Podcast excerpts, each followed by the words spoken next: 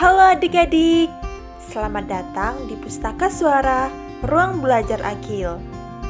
Kakak akan menceritakan sebuah buku yang berjudul Sahabat Kecil Putri Pandan Berturi.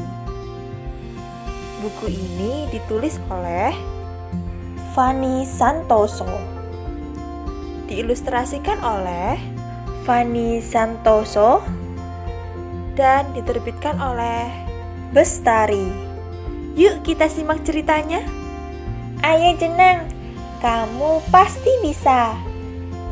Putri Pandan Berduri memberi semangat Jenang Perkasa.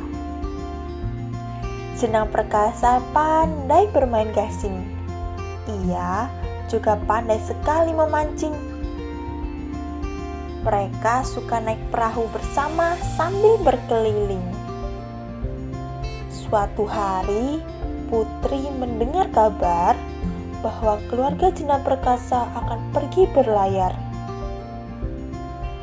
Mereka ingin pindah ke Pulau Galang.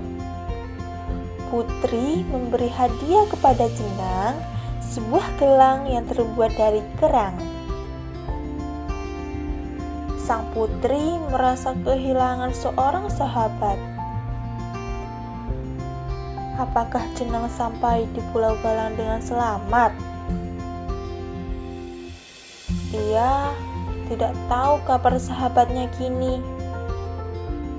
Ia bernyanyi untuk menghibur hati. Sang putri cilik kini tumbuh menjadi gadis yang rendah hati. Selain senang menyanyi, ia pun suka membatik. Saat ayahnya sakit, Santri setia menemaninya. Mereka hidup saling menyayangi.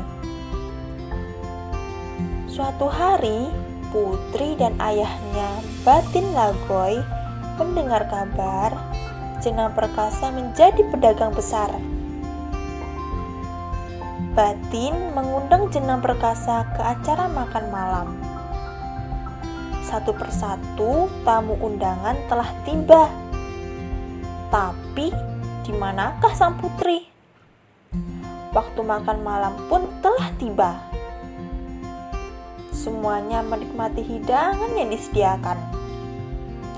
Tapi, di manakah sang putri? Seorang tamu minum sambil asik bercerita. Ia terbatuk-batuk membuat kaget semuanya. Minuman yang ia pegang tumpah mengenai seorang pelayan.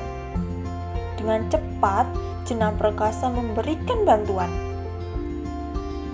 Seketika suasana pesta yang ramai berubah menjadi sepi. Para tamu tua dan muda menjadi kaget lalu berdiri. Mereka melihat pelayan itu memakai sisir matahari. Sisir itu hanya dimiliki oleh putri pandan berduri. Rupanya pelayan itu adalah sang putri. Batin memperkenalkan dia sebagai putrinya. Para tamu takjub melihat sang putri. Mereka malu telah bersikap tidak sopan tadi sang putri dan Jenang Perkasa sangat bahagia. Akhirnya mereka berdua dapat kembali berjumpa. Mereka naik perahu bersama lagi seperti dulu.